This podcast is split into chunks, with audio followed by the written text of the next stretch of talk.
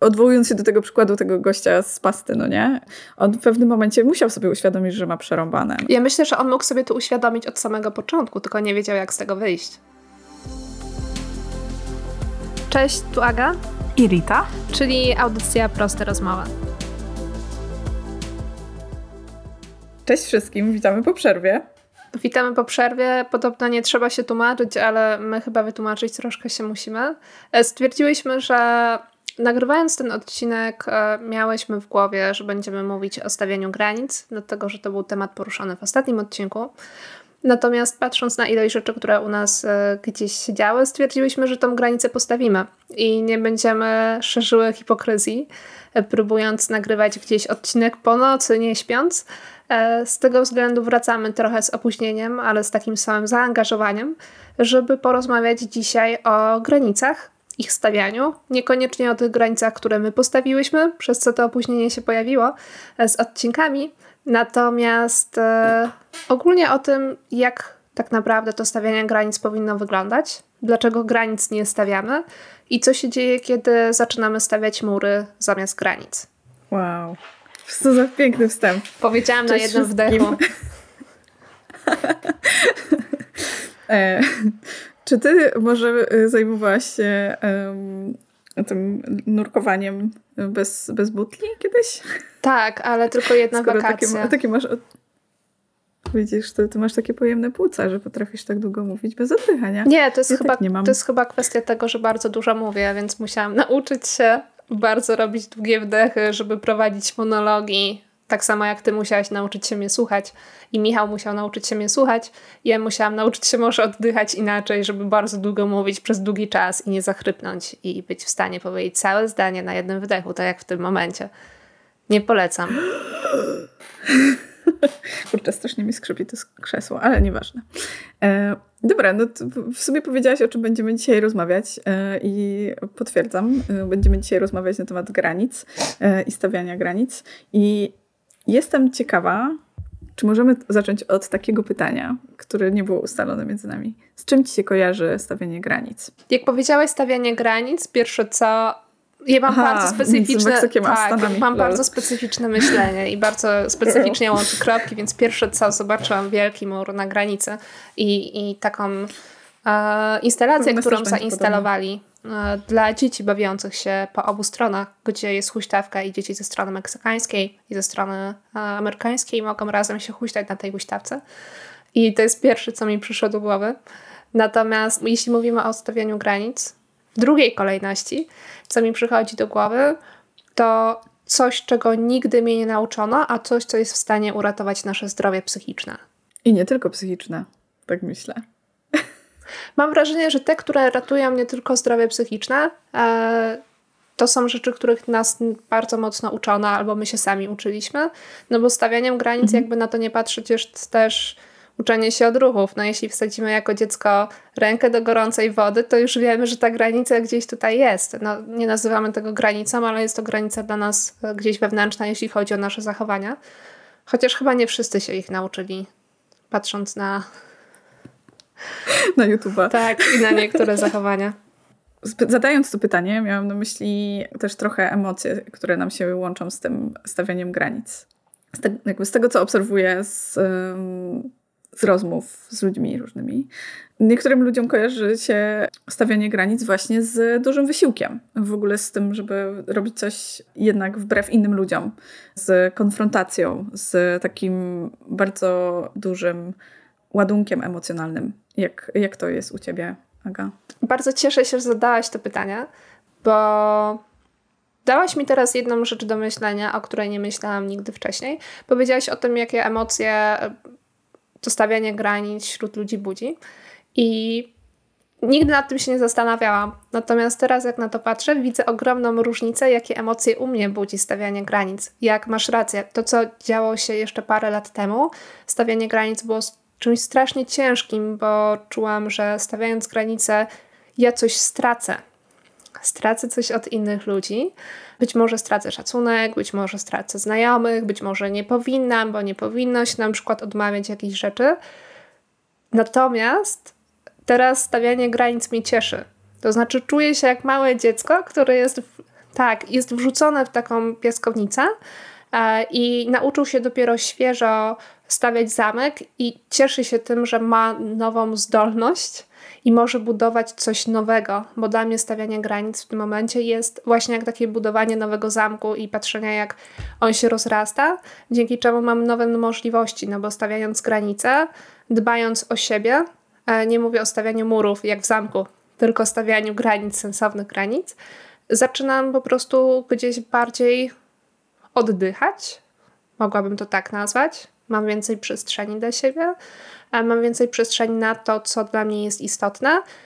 I tak naprawdę wszystko zaczyna się o wiele lepiej dzięki temu układać, bo już nie jestem tą osobą, która nie stawiając granic chce, żeby wszyscy mnie lubili, tylko no, zaczynam to akceptować. Świetnie, że w ogóle o tym mówisz. Dzięki, że się podzieliłaś, bo um, kolejny um, aspekt, który będziemy tutaj poruszać, jest ten, od którego chciałyśmy um, początkowo zacząć, co się dzieje, jak nie stawiamy granic. Czyli e, w sumie też miałam z tym kiedyś problem i ogromny. E, Kto nie miał? Natomiast e, myślę, że chyba wszyscy, znaczy może nie wszyscy, ale bardzo dużo osób ma, czy miało. I chciałabym, żebyśmy się tak trochę w, w głowie przeniosły do tamtych czasów. Jak, co, to, co tam się może dziać, jak nie stawiamy tych granic? Jak my możemy się czuć? E, co się dzieje z ludźmi, którzy nie stawiają granic? Jakie mechanizmy tam się pojawiają? I jak ci, jak ci ludzie się czują, kiedy właśnie te granice są permanentnie u nich przekraczane przez ich otoczenie, prawda? Tak, bo właściwie to jest ta sytuacja, w której wszystkich potrzeby są ważniejsze od naszych i gdzieś, może nie we wszystkich przypadkach, ale no nie stawiając gdzieś granic, albo chcemy być dla wszystkich mieli, albo jesteśmy nauczeni tego, że powinniśmy jakieś rzeczy robić, nawet jeśli wewnętrznie zaczynamy czuć ten opór, że to nie jest dla nas, albo my nie powinniśmy i zaczynamy ten opór ignorować, no bo po prostu czujemy, że musimy się do tego czegoś zmusić. Więc patrząc na swoje doświadczenia i też doświadczenia innych osób, z którymi o tym rozmawiałam, Mam wrażenie, że to jest taki moment, w którym właśnie czujemy opór, ale robimy coś wbrew sobie. Mówimy tutaj o sytuacjach, w których my czujemy, że dla nas to będzie lepsze, dla nas to będzie sprawiało, że my będziemy czuli się spokojniej i nie stawiając tej granicy, czyli słuchając się innych osób, no bo nie stawianie granicy to jest posłuchanie się osoby trzeciej albo grupy trzeciej, albo jakiejś społecznej tak naprawdę e, jakiegoś narzucenia, zaczynamy po prostu czuć się źle z naszą decyzją, co może powodować szereg skutków, których w ogóle z tym nie łączymy. No bo, nie wiem, wszystkie objawy psychosomatyczne, duży stres, e, jakieś kwestie napięć, nawet migreny objawem właśnie psychosomatycznym w wielu wypadkach, no to jest kwestia tego, że czasami nie postawiliśmy granicy, kiedy nasz organizm aż wołał, żebyśmy ją postawili. Potrzebował jej. Mm. Dokładnie, to y, też samo w sobie niestawianie granic, to, to co powiedziałaś, ja jak najbardziej się zgadzam.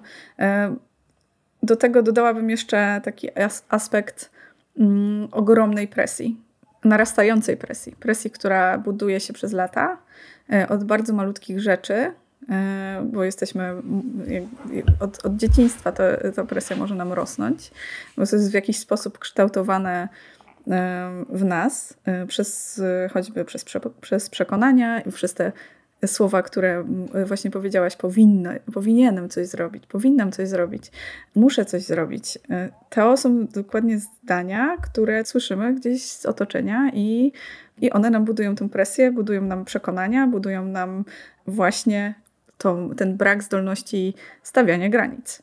I z zachowań takich ludzi, którzy właśnie wokół nas są i nas próbują ukleić z tych wszystkich przekonań i z tych wszystkich e, właśnie musisz, powinieneś, oni tak naprawdę tworzą e, tak zwanych ludzi, którzy spełniają oczekiwania wszystkich. Czyli możemy my stać się taką osobą, która będzie miła, tak wypada, e, będzie zamiast stawiać granice, będzie stawiać potrzeby innych ponad swoimi potrzebami.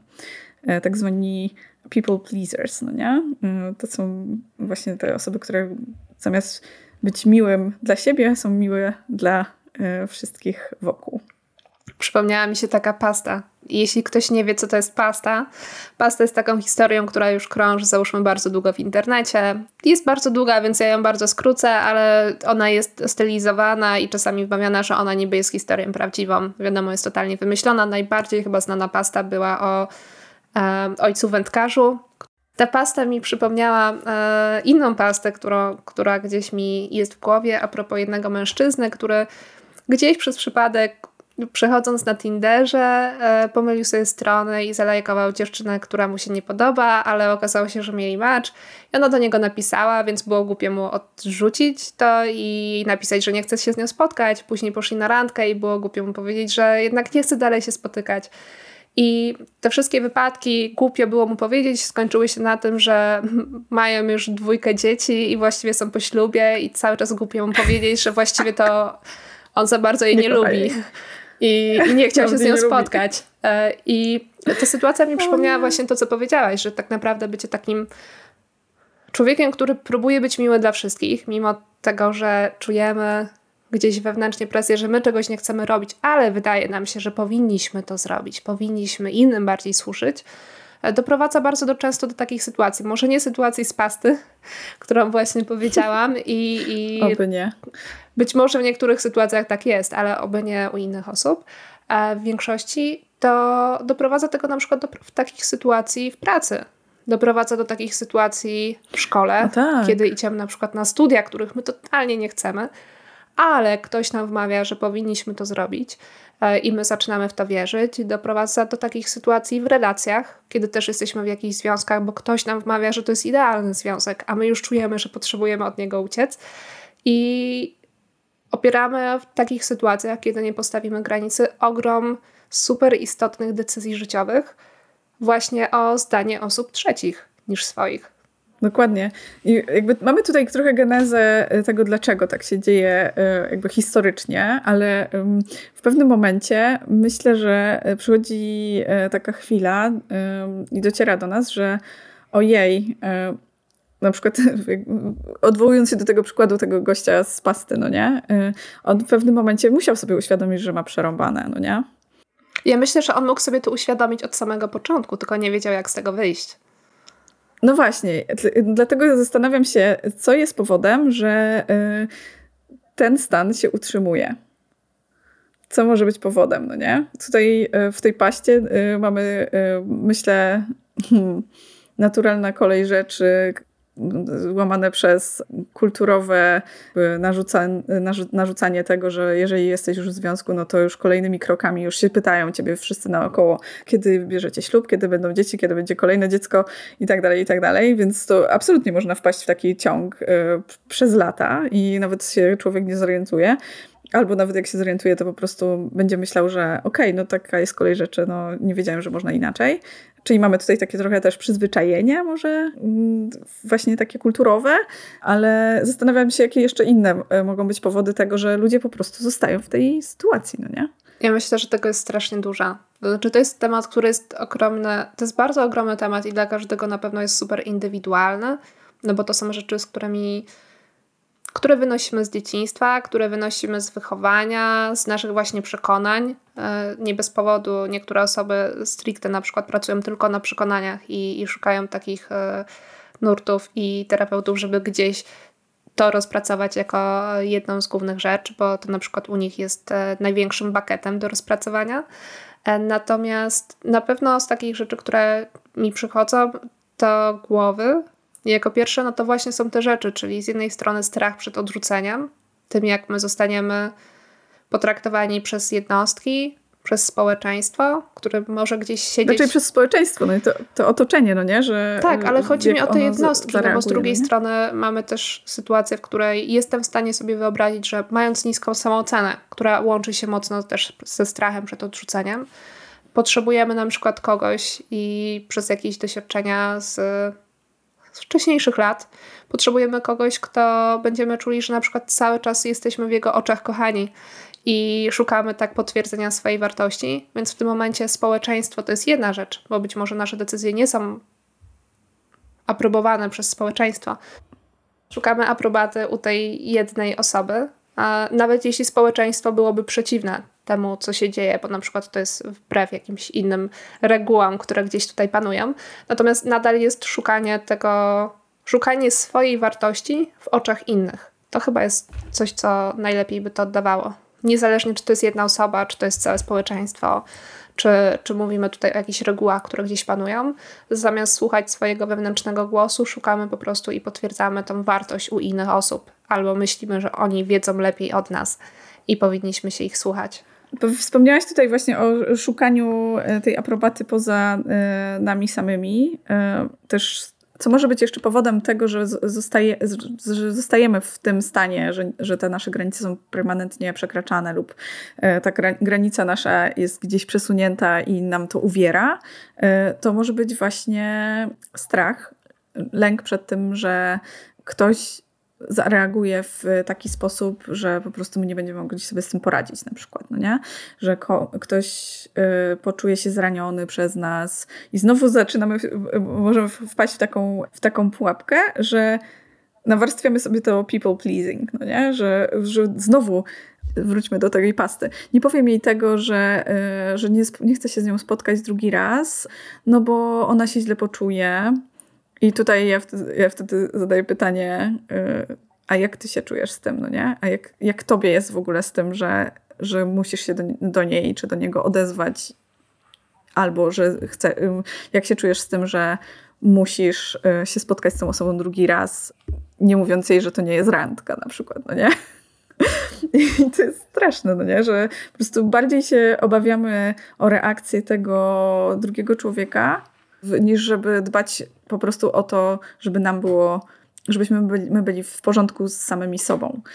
I absolutnie są takie osoby, które będą robić to z, z, z premedytacją, żeby po prostu nie być fajnymi y, osobami wobec innych ludzi i żeby manipulować, ale jeżeli i, i, oni się czują dobrze z tym, żeby manipulować, ale jakby w większości przypadków raczej y, no nie mamy jakichś złych intencji y, do innych ludzi, no nie? Może nie wiem, czy w większości, nie wiem, nie badałam całej ludzkości, ale generalnie e, raczej ludzie są dobrzy chyba. To jest, to jest ta niesamowita różnica pomiędzy nami, kiedy ty mówisz, że w większości ludzie są dobrzy, a ja bym powiedziała, w większości ludzie są źli albo niedoinformowani. Ale e, zgadzam się z Tobą, że tutaj nie chodzi o, ten, o tą sytuację i ten przypadek, kiedy my chcemy zrobić komuś krzywdę, no bo wiadomo, że takie zastanawianie się, co ktoś inny pomyśli, nie jest niczym złem w kontekście tego, że nie chcemy kogoś tak. innego skrzywdzić. I, I zastanawiamy się, jak to na przykład jakieś rzeczy przekazać, jakieś wiadomości, być może czasem, że czegoś nie powiedzieć z jakiegoś względu. Chodzi tutaj o sytuację, w której my po prostu też myślimy o sobie. Nie spychamy siebie tylko i wyłącznie na boczny tor, ale robimy być może jakiś rachunek w kontekście tego, ile na przykład to, jak my będzie, ile ta decyzja, podjęcie tej decyzji że na przykład czegoś nie powiemy, będzie nas kosztować, czy to nie okaże się, że dla nas to będzie wykończające. Być może w drugą stronę, że ile czasami podjęcie jednak kroków, które no, są jakimś przekroczeniem naszej granicy i zrobieniem czegoś, czego my nie chcemy, ale na przykład będą niesamowicie znaczące, żeby kogoś bardzo nie skrzywdzić.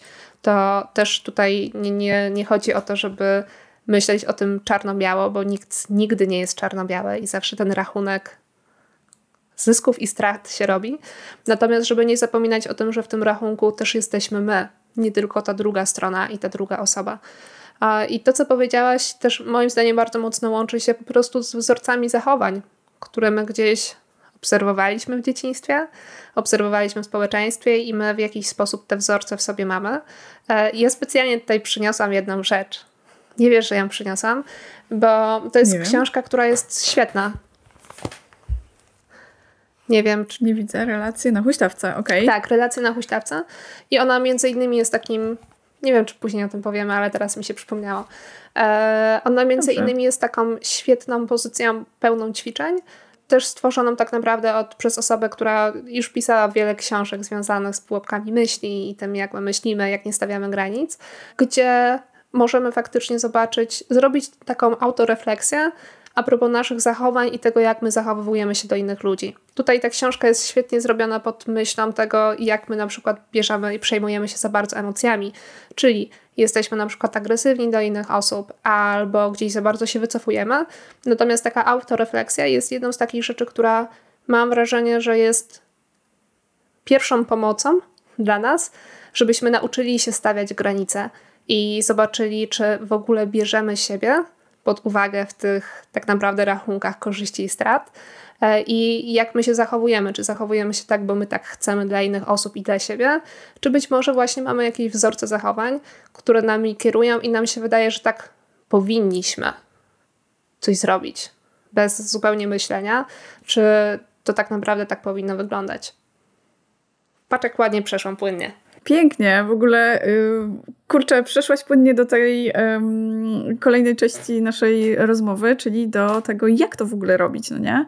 Jak stawiać granice, no bo yy, w momencie, kiedy ktoś nam mówi, no nie potrafię stawiać granic, albo hej, powinieneś stawiać granice, absolutnie y, zwraca nam uwagę na to, że są jakieś obszary do zaopiekowania.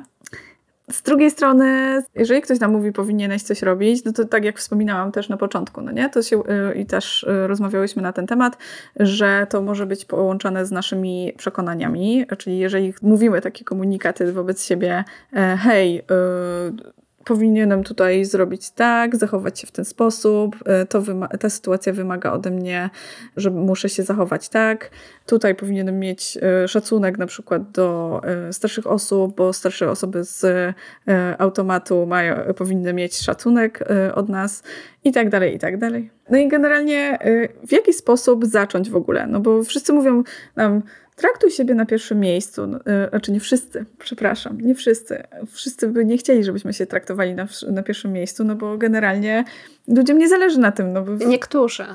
Nie, niektórzy, niektórzy e, po prostu e, chętnie zostaną przy tym stanie, kiedy my jesteśmy tymi ludźmi zaspokajającymi potrzeby wszystkich i kiedy, kiedy stawiamy siebie jednak na ostatnim miejscu w naszej liście priorytetów ale w momencie, kiedy usłyszymy zdanie, no to traktuj siebie na pierwszym miejscu, to nie, wi nie wiadomo, co zrobić, no nie? Albo bądź, słyszymy takie, bądź swoim przyjacielem, stawiaj siebie właśnie na pierwszym miejscu, kochaj siebie. E, trochę zaczęłyśmy rozmawiać o tym e, temacie z Ulą, e, ale myślę, że dzisiaj mogłybyśmy troszkę to pogłębić. Mam wrażenie, że to tak jak mówisz, kochaj siebie, stawiaj siebie na pierwszym miejscu, to jest trochę jak z afirmacją i i tym, że tak. wśród wielu osób budzi taki rodzaj cringe'u. Co, co ja mam stanąć przed lustrem i powiedzieć, kocham siebie? Przecież nie, to jest dziwne, ale z drugiej strony to spróbuj to zrobić i okazuje się, że nagle czujemy się bardzo dziwnie, ale dlaczego czujemy się dziwnie mówiąc to do samych siebie? W kontekście to nie jest nic złego, to nie jest nic no. jakoś super ciężkiego, a jednak tak ciężko niektórym osobom przychodzi to zrobić. Tak, z jednej strony, wiesz, ty, ty mówisz tutaj o tym stanie, stanięciu przed lustrem e, i powiedzeniu e, tego do siebie. No to jest, jest to w jakiś sposób ważne, e, natomiast z drugiej strony ja jestem strasznie praktyczna i bardzo zawsze zwracam uwagę na to, co jest w tym dla mnie i co, ja, co to znaczy w ogóle dla mnie, że ja będę stawiać siebie na pierwszym miejscu, no nie? Co to oznacza w praktyce, y, że ja tej sytuacji, na przykład kiedy ktoś chce, żebym poszedł na imprezę, a ja nie czuję się dobrze, jakby nie, nie mam ochoty wyjść y, do ludzi, co to znaczy, że ja się potraktuję na pierwszym, y, jakby postawię siebie na, na pierwszym miejscu. I tutaj właśnie wchodzi cała na biało e, autorefleksja, e, która nam każe zapytać siebie: hej, a czego ty tak naprawdę potrzebujesz? I wtedy nasz wewnętrzny głos powie e, prawdopodobnie: No, wiesz, chciałabym zostać w domu, bo nie, nie chcę, nie mam ochoty wychodzić do ludzi ale zewnętrzne głosy, które ludzi, którzy nas otaczają i, i którzy jakby są przyzwyczajeni do tego, że, że możemy robić rzeczy wbrew sobie, a nawet nie wiedzą o tym, że ro możemy robić rzeczy wbrew sobie, powiedzą, no chodź przecież, kurczę, będzie fajnie, Prze przebierz się tutaj na tą imprezę, wskakuj w, w ciuchy i wychodzimy, będzie ekstra, napijemy się, chodź. Co wtedy powinniśmy zrobić? Może nie co wtedy powinniśmy zrobić, ale co oznacza tak naprawdę tutaj wybór um, siebie w, e, w, takiej sytuacji? No to nie jest pytanie do introwertyków, na pewno, jeśli mówimy o tej imprezie. Żartuję, ale e, to przypomniałaś mi inną metodę, która trochę podchodzi do mam wrażenie, że jest krokiem wcześniejszym, czyli z jednej strony autorefleksja wymaga już pewnej samoświadomości i umiejętności porozmawiania z sobą, porozmawiania gdzieś ze swoim wnętrzem, zrozumienia, jakie my mamy potrzeby, co jest naszą potrzebą, a co jest tym, co wydaje nam się, że powinniśmy zrobić. Ale e, kojarzę, jeśli chodzi o walkę ze stresem i walkę z tym, co może najgorszego się stać, to kwestia tak naprawdę, to co najgorszego może się stać, to nie jest ta metoda, natomiast ona tam później ma właśnie rozwinięcie, o którym chciałam powiedzieć, czyli potraktowanie w tym momencie siebie jako osobę, którą tak jakby przeniesienie wszystkich naszych myśli, obaw, emocji na osobę, która by była obok nas, którą my najbardziej kochamy. Czyli na przykład e, stwierdzamy, że okej, okay, jeśli nasza przyjaciółka, jeśli nasz chłopak, nasza dziewczyna byłaby w takiej sytuacji, czułaby, że nie chce iść z tego i z tego i z tego względu, że woli zostać w domu, że nie chce z nikim się na przykład wyjść na daną imprezę, czuje, że potrzebuje, potrzebuje gdzieś, odpocząć. Potrzebuje hmm. odpocząć. Co byśmy dla niej powiedzieli? Czy byśmy ją zmusili i powiedzieli tak, masz wyjść, czy powiedzieli, że hej, zostań, bo masz prawo, bo jesteś zmęczona. To jest sytuacja, w której my tak jakby odcinamy się od tego widzenia tych emocji i tych myśli jako o sobie. Jeśli ciężko nam jeszcze jest zrobić autorefleksję i powiedzieć, że kocham siebie i stawiam się na pierwszym miejscu, tylko łatwiej jest przenieść to wszystko na osobę drugą, którą my już postawiliśmy na pierwszym miejscu i dzięki temu sobie zobaczyć, ok, ja powinienem się zachować tak wobec siebie, jakbym się zachował wobec niej, czyli na przykład odmówić, postawić po prostu swoje, przeniesione na nią, e, emocje na pierwszym miejscu i stwierdzić, że to będzie dla mnie lepsze. Ale super w ogóle e, metoda.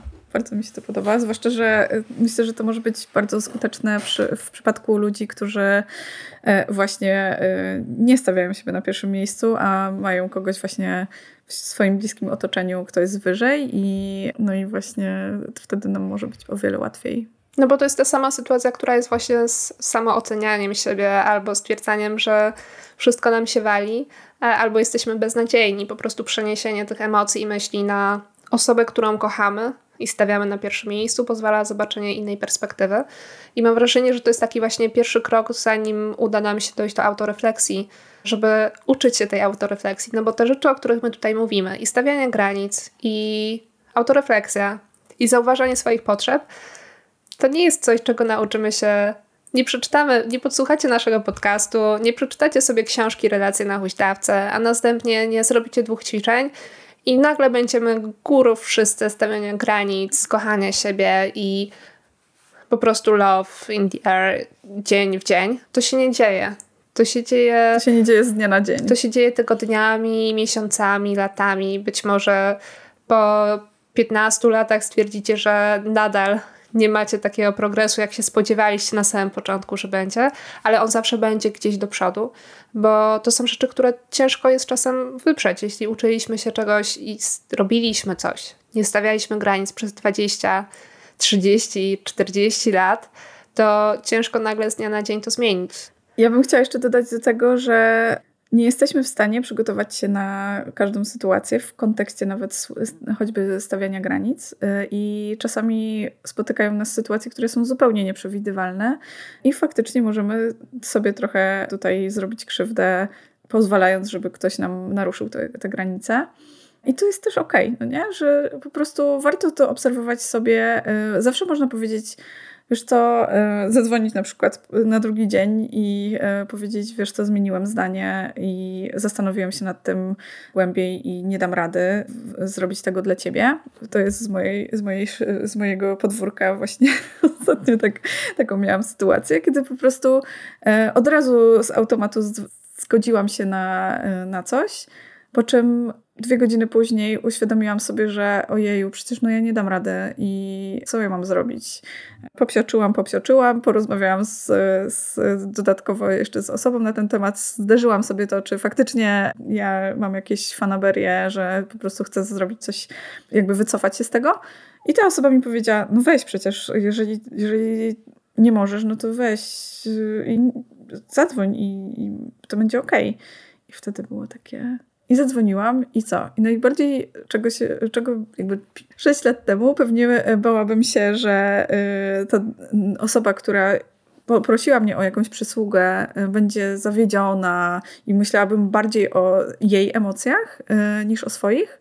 A teraz jestem mega dumna z tego, że, że wycofałam się i powiedziałam sobie, że to jest okej, okay, żeby zmienić zdanie. I zmienianie zdania jest świetnym sposobem na to, żeby jakby pozwolenie sobie na zmienianie zdania jest świetnym sposobem na to, żeby dawać sobie przestrzeń w ogóle na stawianie tych granic. Bo to nie musi być od razu postawiona granica, wiesz, w, pierwszej, w pierwszym momencie, no nie, że nie, e, że nie, nie mogę tego zrobić e, i no, nie wszyscy mają taki skill, e, żeby, żeby tak od razu stawiać granice, ale no. Trochę mi się to kojarzy z metodą e, uczenia się mówienia nie, tylko że zamiast tak jak ty mówisz, w momencie kiedy jesteśmy i na przykład wtedy odzwaniamy, to dla mnie to było też taki duży game changer, że jeśli nie czuję, że jestem na 120%, jestem z Patwisa, nie powinnam tak mówić, e, jesteśmy na 120% w coś, że chcemy to zrobić. I tak, totalnie się z tym zgadzamy, to zawsze prosimy o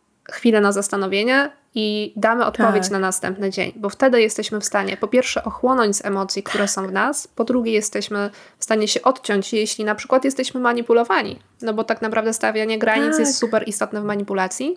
Jesteśmy w stanie przemyśleć tego, co my chcemy, jak my się z tym czujemy i dopiero wtedy dać odpowiedź. Jest to o wiele łatwiejsze, bo no nie mamy tej sytuacji, w której musimy od razu coś zrobić i jeśli tylko i wyłącznie jest taka możliwość, to lepiej zrobić sobie, hej, ja potrzebuję to przemyśleć, wrócę do ciebie z odpowiedzią jutro. Bo nie mamy wtedy tak. na sobie presji, e, ani tej osoby, ani presji czasowej i możemy tak naprawdę przygotować się do tego, żeby powiedzieć nie, no bo powiedzenie nie jest bardzo trudne i może być czasem o wiele trudniej później gdzieś z czegoś się jeszcze wycofać, chociaż świat się wtedy nie zawali, e, a powiedzenie potrzebuje chwili na przemyślenie jest o wiele jeszcze łatwiejsze niż e, robienie mhm. tego gdzieś od razu. Kiedy podczas, no jeśli nie mówimy o takich sytuacjach, które wymagają tego na już, no tak się tak już, już, e, to, to naprawdę nic się nie dzieje, żeby czasem z czymś się wstrzymać godzinę, dwie, być może dzień. Można powiedzieć, hej, daj mi pół godzinki, bo muszę sprawdzić w kalendarzu na przykład, no nie? Coś takiego. Albo się e, wyłączyć, bo mi się... Lifehack. Albo jak jesteśmy podczas rozmowy telefonicznej, to się wyłączyć, bo no, straciliśmy zasięg. Dokładnie, ale to jest, to jest taki świetny e, w ogóle sposób. To jest świetne e, naprawdę, żeby to sobie zrobić i dać i po prostu, żeby ta druga osoba też wiedziała, że że my potrzebujemy w jakiś sposób przestrzeni. Znaczy, nawet nie musi wiedzieć, że to my potrzebujemy przestrzeni na to, żeby powiedzieć jej nie, tylko po prostu, że musimy się zastanowić, no bo nie, nie wszystkie decyzje musimy podejmować od razu. Mi się przypomina taka też rozmowa. Chyba kiedyś wspominałam ci o tym. Um, rozmowa, którą prowadziłam w taksówce w ogóle. Um, jadąc gdzieś i ktoś, za, ktoś do mnie zadzwonił przez telefon i pamiętam, że w pewnym momencie usłyszałam takie ultimatum. Znaczy na tamten moment to był czas, kiedy uważałam takie zdanie, taką, takie wyrażenie za ultimatum. To było, no to zastanów się, czy chcesz zrobić to. Takie passive-aggressive bardzo, no nie? E, a ja, I po prostu najlepsza, e, najlepsza riposta, którą wymyśliłam i za którą sobie mega dziękuję i, i po prostu wykonuję ją, uskuteczniam ją wielokrotnie od tamtej pory. Dobrze, to się zastanowię. Bo normalnie wcześniej bym powiedziała, no dobra, to, to zrobię to, no nie? To, to się zastanów, czy, czy chcesz to i czy to. Dobrze, to się zastanowię. Ja za każdym razem mówię, że i to jest prawda, że na przykład nie lubię bardzo zmian, Jestem osobą, która nie jest osobą, która dobrze czuje się z nagłymi zmianami. Nie do końca tak myślałam o spędzeniu w ten sposób czasu, o nie wiem, jakimś swoim dalszym rozwoju, o podjęciu takiej takiej decyzji w tym momencie. Więc pozwól, że ja potrzebuję to przemyśleć, żeby wiedzieć, czy dobrze się z tym czuję. Jestem... A, bo to się już tutaj, od razu się tłumaczysz. Nie, ja się od razu tłumaczę, ale prawda jest taka, że właśnie ta tak naprawdę doza szczerości zauważyłam, że no. super no. działa, bo niezależnie z kim rozmawiam, to jest coś, co bardzo ciężko jest podważyć, bo ktoś może podważyć to słowami, e, że e, zdziwiasz, ty się boisz zmian, ale w momencie, kiedy ja powiem nie, ja naprawdę się tego boję, no to co można powiedzieć więcej? No można zacząć mnie obrażać. Nie możesz dyskutować. Tak, ale no jak ktoś zacznie mnie obrażać, to tak naprawdę prawdopodobnie jego cel się nie spełni. Nie przekona mnie do niczego, więc jestem na troszkę wygranej pozycji i, każdy z nas jest w stanie tak naprawdę znaleźć sobie gdzieś własny sposób na to, bo to, to też powiedziałaś, że na przykład taka riposta, e, nie wspomnieliśmy o tym. Ja mam, miałam, miałam, już nie korzystam, e, na przykład Biblii odpowiedzi dla niektórych osób i to, że czasem nie postawiliśmy granicy, to nie jest powód do samobiczowania się. Wszyscy to robimy i wszystkim nam to się zdarza, ale może być fajnym momentem do zastanowienia się, jak następny raz w takiej sytuacji zareagować i co zrobić, żeby tą granicę postawić. Ja myślę, że w ogóle y, to jest super pomysł z, tym, z tą Biblią Ripost y, trzeciego dnia. Ja mam wrażenie po prostu, że najlepsze riposty to dopiero y, mm, od niedawna, może nie od niedawna, tak stosunkowo niedawna, mam, nawet udaje mi się odpowiedzieć od razu, no nie, na, w jakiejś sytuacji na dobrą ripostą, ale ale kiedyś miałam super, trudności z tym, no nie? I taka Biblia Ripost, kurczę, jakbym wpadła na to parę lat temu, to, to by było piękne. Riposty, Biblia Ripost z trzeciego dnia. To jest jedyne, na co mi się przydał overthinking. Myślę, że to, co powinniśmy jeszcze tutaj podkreślić na sam koniec, trochę zamykając ten temat, e, jest też jedna bardzo ważna rzecz, którą Czasem mam wrażenie, że niektórzy mylą, czyli to, że stawianie granic nie oznacza stawiania murów. Stawianie murów też jest bardzo często stawianiem jakichś granic, takich zbyt mocnych granic ze stresu, ze stresu czy ze strachu. Natomiast y, nie chodzi w stawianiu granic tego, że my mamy się od czegoś odcinać jednym wielkim murem i na wszystko mówić nie. Ja myślę, że tutaj jest e, fajne to zdanie, do, to co powiedziałaś, że stawianie granic to nie jest e, stawianie murów. To jest fajne przy, przy podsumowaniu w ogóle całej tej rozmowy. Jak stawiać te granice? Zaczęliśmy od, zaczęłyśmy od autorefleksji jeżeli nam ta autorefleksja nie wychodzi, to zaproponowałaś tutaj takie rozwiązanie, żeby postawić kogoś z naszych bliskich, kogo mamy wyżej w priorytetach w tej sytuacji, tak jakby w głowie sobie wyobrazić, że ta, ta osoba jest w tej sytuacji i zastanowić się, jak my byśmy się zachowali wobec niej i jak, co byśmy jej dorodzili. Następnie różne propozycje właśnie rozwiązań, które jakby takich lifehacków, które możemy sobie zastosować, no nie, że na przykład y, proszę, wiesz to nie mogę teraz zadecydować, daj mi, nie wiem, jeden dzień albo dwie godziny, y, muszę sprawdzić to z moim kalendarzem ze sobą, z planami, jakie mam na najbliższy czas. W ogóle jeszcze tak um, mogę powiedzieć z mojego podwórka, jakie jest fajne ćwiczenie na stawianie granic, bo to mi się też, też skojarzyło z tymi, z tą twoją Biblią Ripost. No bo te riposty były na jakieś komunikaty, które, które cię pewnie triggerowały w jakiś sposób i nie wiedziałaś, jak sobie właśnie może poradzić e, z, z postawieniem granicy w konkretnej sytuacji. Więc w momencie, kiedy mamy taką sytuację z kimś, kto nam przekracza permanentnie na przykład te granice, to warto sobie spisać sytuację, plus do tego dodatkowo e, zdania, które właśnie nas uruchamiają, właśnie uruchamiają nam, że nam się trzęsie to, to, to stawianie granic, no nie? Że kurde, chciała, chciałbym powiedzieć, chciałabym powiedzieć nie, bo mi się tutaj coś buntuje. W momencie, kiedy czujemy ten ładunek emocjonalny, y, to jest ten moment, że fajnie by było to sobie sprawdzić. Więc spisanie nawet konkretnych komunikatów, typu pewnie powinieneś y, zrobić coś. Y, chodź, chodź ubieraj te buty, wychodzimy i to może być bardzo fajny start na zmapowanie sobie właśnie takich sytuacji, które nam te granice naruszają. A następnie już jest wymyślenie ripost. I danie sobie przestrzeni na to, żeby podejmować decyzje, plus danie sobie przestrzeni na to, żeby zmieniać te decyzje. Bo możemy sobie zapędzić się w kozi róg i powiedzieć najpierw tak, a potem możemy zawsze zmienić zdanie. To, co powiedziałaś z tym ćwiczeniem, jest świetną rzeczą, żeby też dzięki temu zrobić sobie autorefleksję. Czy my czasami nie próbujemy postawić granicy, która nie jest granicą, tylko jest murem, ze względu na własny strach. E, czy być może my chcemy gdzieś coś zrobić, czujemy wewnętrznie, żebyśmy to zrobili, natomiast coś nas wewnętrznie blokuje, bo się czegoś boimy, na przykład ze względu na nasze doświadczenia życiowe, przekonania, które gdzieś wcześniej mieliśmy, i w tym momencie zamiast postawić granicę, która byłaby granicą, bo nasze wewnętrzne ja czegoś nie chce dla naszego dobra, my stawiamy mur i na przykład odcinamy się od innych ludzi, od których nie chcieliśmy wcale się odciąć. Odcinamy się od jakichś możliwości rozwoju, od których nie chcieliśmy się odciąć. To już nie jest postawienie granicy, która chroni nas, to co my chcemy faktycznie zrobić, tylko to jest postawienie muru, który chroni tak naprawdę nas od tego, co my chcielibyśmy zrobić gdzieś wewnętrznie, ale się boimy i ten strach nas za bardzo przytłacza. Wiesz, czy mi się to kojarzy? Mam taki ogródek przed y, moim mieszkaniem y, i on jest y, właśnie przez cały rok ja walczę o to, żeby on nie był koszony i ja tam różne roślinki sobie tam wsadzam. I niestety raz w roku przychodzi pan z kosiarką żyłkową i kosi wszystko jak popadnie do samego po prostu, do samej ziemi.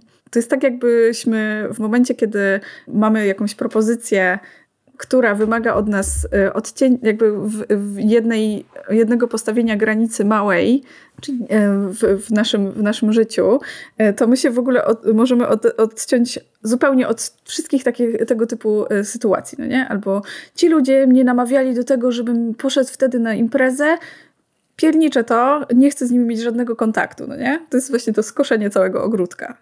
To jest dobra alegoria i zrozumiałam o co chodzi. Nie myślę tutaj w kontekście tylko i wyłącznie właśnie ludzi i takiego bardzo też odcinania, tylko czasami my budujemy wokół, sobie, wokół siebie po prostu mur ze względu, zresztą mur zawsze się buduje ze strachu. Bądźmy szczerzy, murów nie buduje się po to, bo chcemy postawić tylko i wyłącznie granice. Jeśli chcemy granice, to stawiamy żywopłot, żeby porozmawiać z sąsiadem, ewentualnie zwykły płot, który jest w miarę normalny. Jeśli budujemy mury, to dlatego, że czegoś się obawiamy.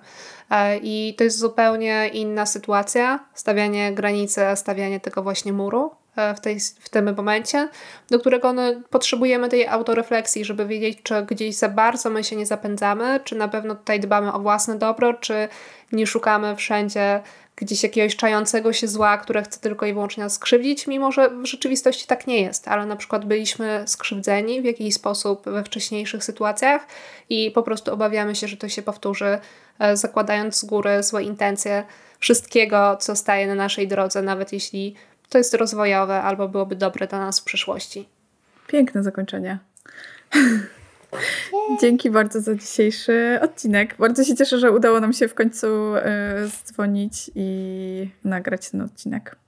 Też bardzo się cieszę, że udało nam się w końcu spotkać i cieszę się, że mam nadzieję, że uda nam się wrócić do regularności, bo jednak taki też powrót po do nagrywania po dłuższej chwili. Jesteśmy chyba gotowe. Jesteśmy gotowe, chociaż jest ciężki. Nie spodziewałam się, że wrócenie do tego flow będzie e, troszkę cięższe. Uwierzcie, nagrywanie podcastu jednak nie jest tak łatwe, jak nam się wydawało i wszystkim się wydaje. Trzeba mówić wyraźnie i głośno i nie przeklinać. Dokładnie. Tak, to, to jest ciężkie. Mhm. mhm. Plus e, ja się cieszę, bo to jest nasz, który? Jedenasty odcinek. Tak, więc tak. przekroczyliśmy tą magiczną Przekroczyłyśmy. dziesiątkę. Tak. Aczkolwiek udało się. Faktycznie przerwa, kryzys. przerwa była. Mówi się o tym, że w wypadku podcastów e, te kryzysy są przy dziesiątym odcinku i większość kończy się na dziesiątym odcinku. Faktycznie przerwa u nas była po dziesiątym odcinku, nie spowodowana świadomie, że myślałyśmy, że to nie ma sensu. Mamy kryzys, e, ale chyba życie zdecydowało, że ono wtedy zrobi nam mały kryzys na to, żeby zrobić przerwę. I postawiłyśmy te granice i stwierdziłyśmy, że nie będziemy się żyłować i robić na siłę, bo to byłoby właśnie podwójnym standardem.